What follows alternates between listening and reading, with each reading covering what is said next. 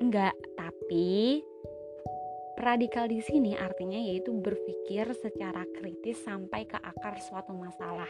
Yaitu dia berpikir secara mendalam sampai ke akar-akarnya. Bahkan melewati batas-batas fisik yang ada. Oke. Okay. jadi dia tidak berpikir melalui hal-hal yang tampak saja tetapi menyeluruh atau mendalam sampai ke nilai dari sebuah realitas itu sendiri terus filsafat memiliki beberapa cabang ilmu utama.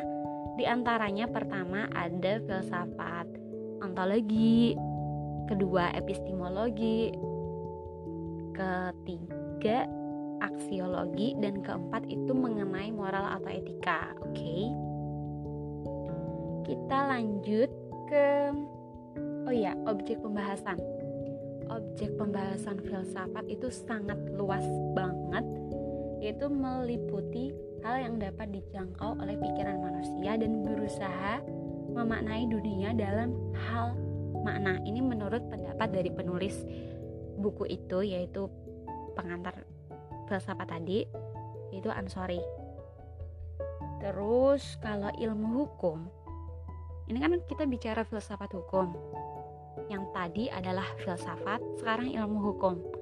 Itu memiliki ruang lingkup yang terbatas banget. Di samping itu juga banyak persoalan-persoalan berkenaan dengan hukum. Terus pertanyaan-pertanyaan yang muncul dalam ilmu hukum itu menimbulkan pertanyaan yang multitafsir atau dua arti sehingga pertanyaan tersebut tidak terjawab sama ilmu hukum. Nah, di sinilah guys, di sinilah ilmu filsafat datang.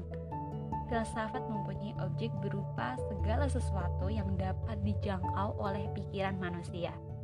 Gila gak sih? Keren banget emang filsafat. Terus, konsep hukum itu dapat dikatakan mempunyai pengertian yang ambigu dua arti. Oke, tadi itu udah aku jelasin ya. Terus hukum ada dua yaitu berupa deskriptif sama perspektif. Kalau deskriptif itu dimaknai sebagai hukum yang menunjukkan sesuatu dapat terjadi. Misalkan hukum gravitasi terjadi. Hukum alam. Ya kan? Perspektif law yaitu hukum perspektif itu hukum yang diatur oleh para otoritas yang mengatur apa yang boleh dan apa yang tidak boleh dikerjakan. Hukum inilah yang merupakan bahan penelitian filsafat hukum.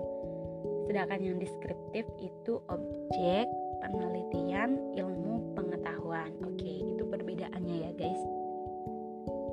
Kita lanjut ke pengertian filsafat hukum tadi pengertian secara global atau general udah kita jelasin. Sekarang filsafat hukum itu apa sih? Oke okay.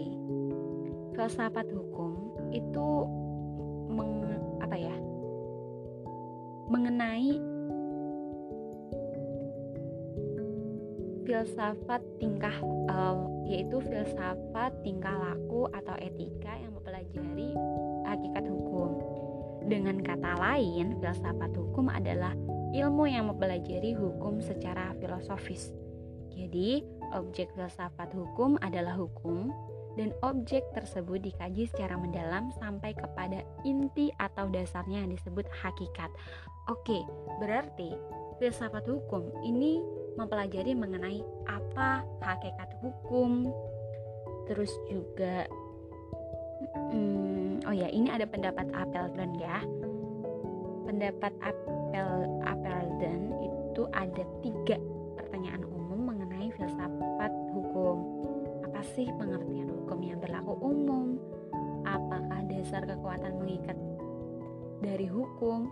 Dan apakah yang dimaksud dengan hukum dengan kodrat? Oke, seiring perkembangan zaman, pertanyaan-pertanyaan mengenai filsafat hukum itu semakin banyak sehingga dulu filsafat hukum itu ilmu cabangan atau ya ilmu yang dikesampingkan gitu. Sekarang karena masalahnya udah kompleks, problemnya udah banyak, filsafat hukum menjadi ilmu tersendiri dan menjadi produk utama yang dibahas tersendiri oleh akademisi hukum atau para ahli hukum. Gitu guys. Sekarang kita lanjut ke manfaat mempelajari filsafat hukum. Kan banyak orang-orang yang bertanya apa sih manfaatnya berfilsafat hukum? Udah deh nggak usah aneh-aneh deh gitu kan? Nggak usah aneh-aneh belajar yang kayak gitu.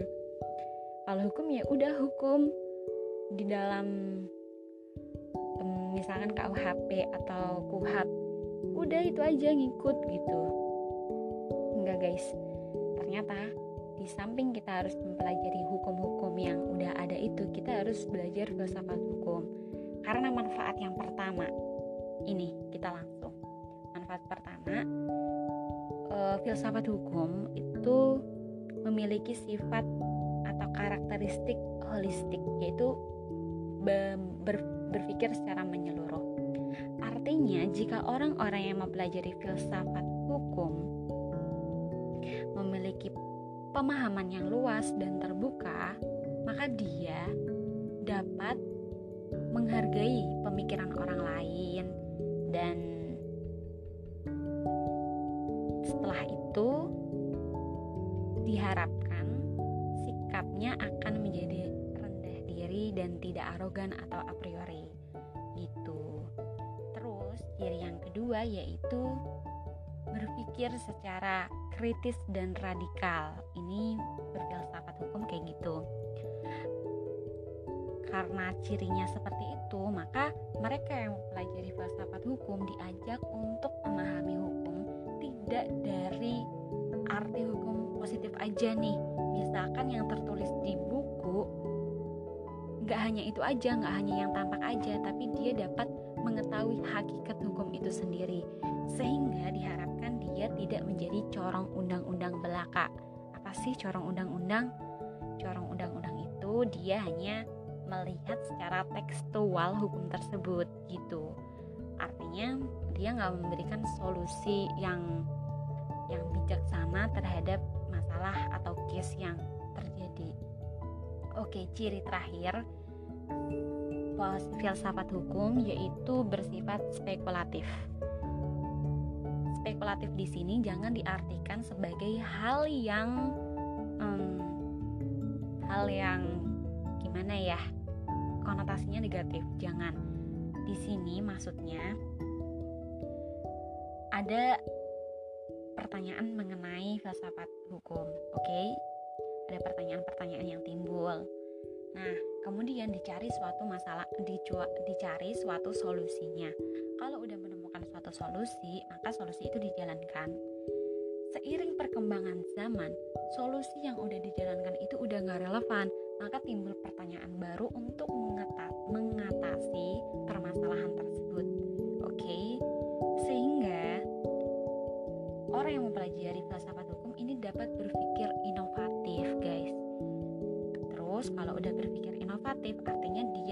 menentukan suatu solusi yang tepat di setiap keadaan. Itu ciri utama filsafat hukum. Ada tiga ya manfaatnya, oke? Okay? kalau kita udah mengetahui manfaatnya nih yang terakhir yaitu ilmu-ilmu yang berobjek hukum apa aja sih ilmunya oke okay. hmm, di sini di sini filsafat hukum dan disiplin hukum yaitu legal teori atau teori hukum itu dua hal yang berkesinambungan atau dua hal yang tidak dapat dipisahkan ini menurut pendapat Pumadi Purbacaraka dan Sur Suryono Sukanto. Oke. Okay. Terus filsafat hukum dan legal teori disebut juga sebagai ilmu hukum. Dibedakan menjadi ilmu tentang norma, pengertian hukum, dan kenyataan hukum. Ada tiga. Kesimpulannya, cabang dari ilmu hukum ada tiga ilmu tentang norma ilmu tentang pengertian hukum dan ilmu tentang kenyataan hukum terus lingkup bahasan dari norma hukum itu ada delapan. Pertama, norma hukum membahas mengenai hal yang abstrak menjadi konkret, isi dan sifat norma hukum, essentially norma hukum, tugas dan kegunaan norma, hukum, pernyataan dan tanda pernyataan norma hukum, penyimpangan terhadap norma hukum dan keberlakuan norma hukum. Ini pembahasan yang ada di lingkup norma hukum. Selanjutnya, pengertian hukum itu membahas mengenai maksud yang ada di dalam masyarakat, subjek hukum, objek hukum, dan kewajiban. Terus ada peristiwa hukum, membahas mengenai hubungan hukum. Kedua jenis ilmu hukum ini disebut dengan ilmu tentang dogmatik hukum. Oke, berarti pengertian hukum dan norma hukum itu dogmatik. Cirinya adalah dia itu teoritis rasional dengan menggunakan logika deduktif. Artinya dari umum ke khusus.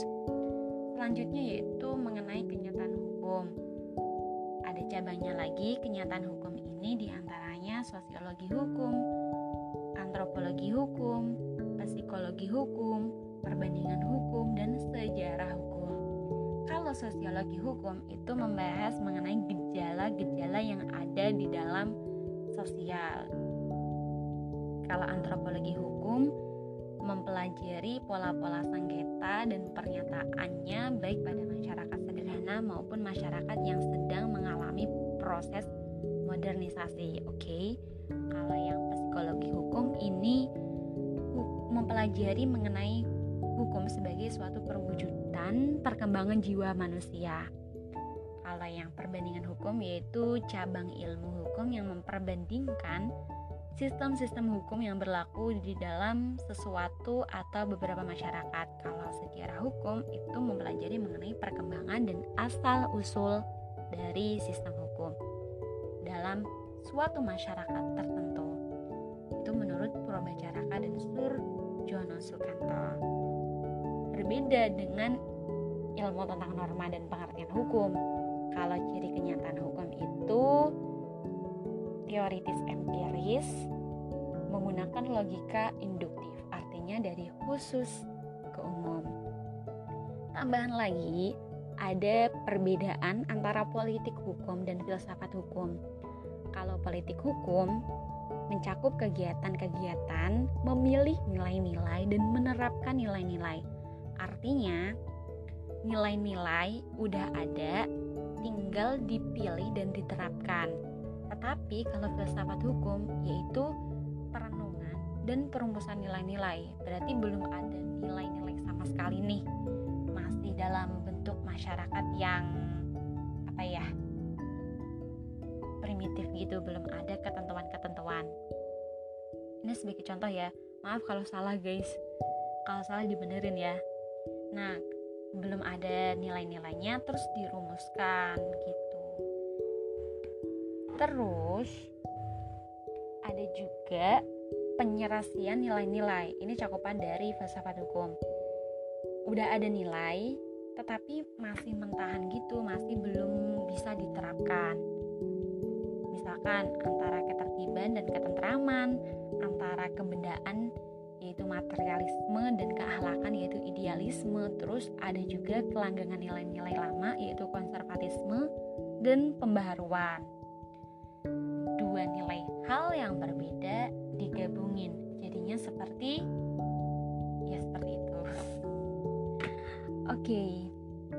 pembidangan ilmu yang udah diuraikan di atas tampak bahwa filsafat hukum tidak dimasukkan sebagai cabang dari bagian dari teori hukum atau legal theory atau disiplin hukum. Ini tadi udah dijelaskan di atas ya. Tapi di sini ada juga loh pendapat dari Sajipto Raharjo yang menyatakan bahwa teori hukum boleh disebut sebagai kelanjutan dari usaha mempelajari hukum positif. Artinya, dia atau orang yang telah mempelajari hukum positif kemudian dia berlanjut ke filsafat hukum artinya dia tidak serta-merta menelan secara mentah-mentah hukum positif yang telah ia pelajari tetapi memahaminya secara mendalam dengan menggunakan filsafat hukum terus setidak-tidaknya dalam urutan yang demikian itulah kita mengkonstruksikan kehadiran teori hukum secara jelas. Oke. Okay. Baiklah, itulah pembahasan mengenai pengertian, manfaat dan objek filsafat hukum. Terima kasih bagi kalian yang udah dengerin podcast ini. Semoga bermanfaat untuk kalian semua. Hmm, khususnya teruntuk aku sendiri ya. Oke, maaf apabila ada tutur kata yang kurang berkenan atau salah-salah kata atau tipu atau gimana. Oke okay, see you next time guys. Wassalamualaikum warahmatullahi wabarakatuh. Bye bye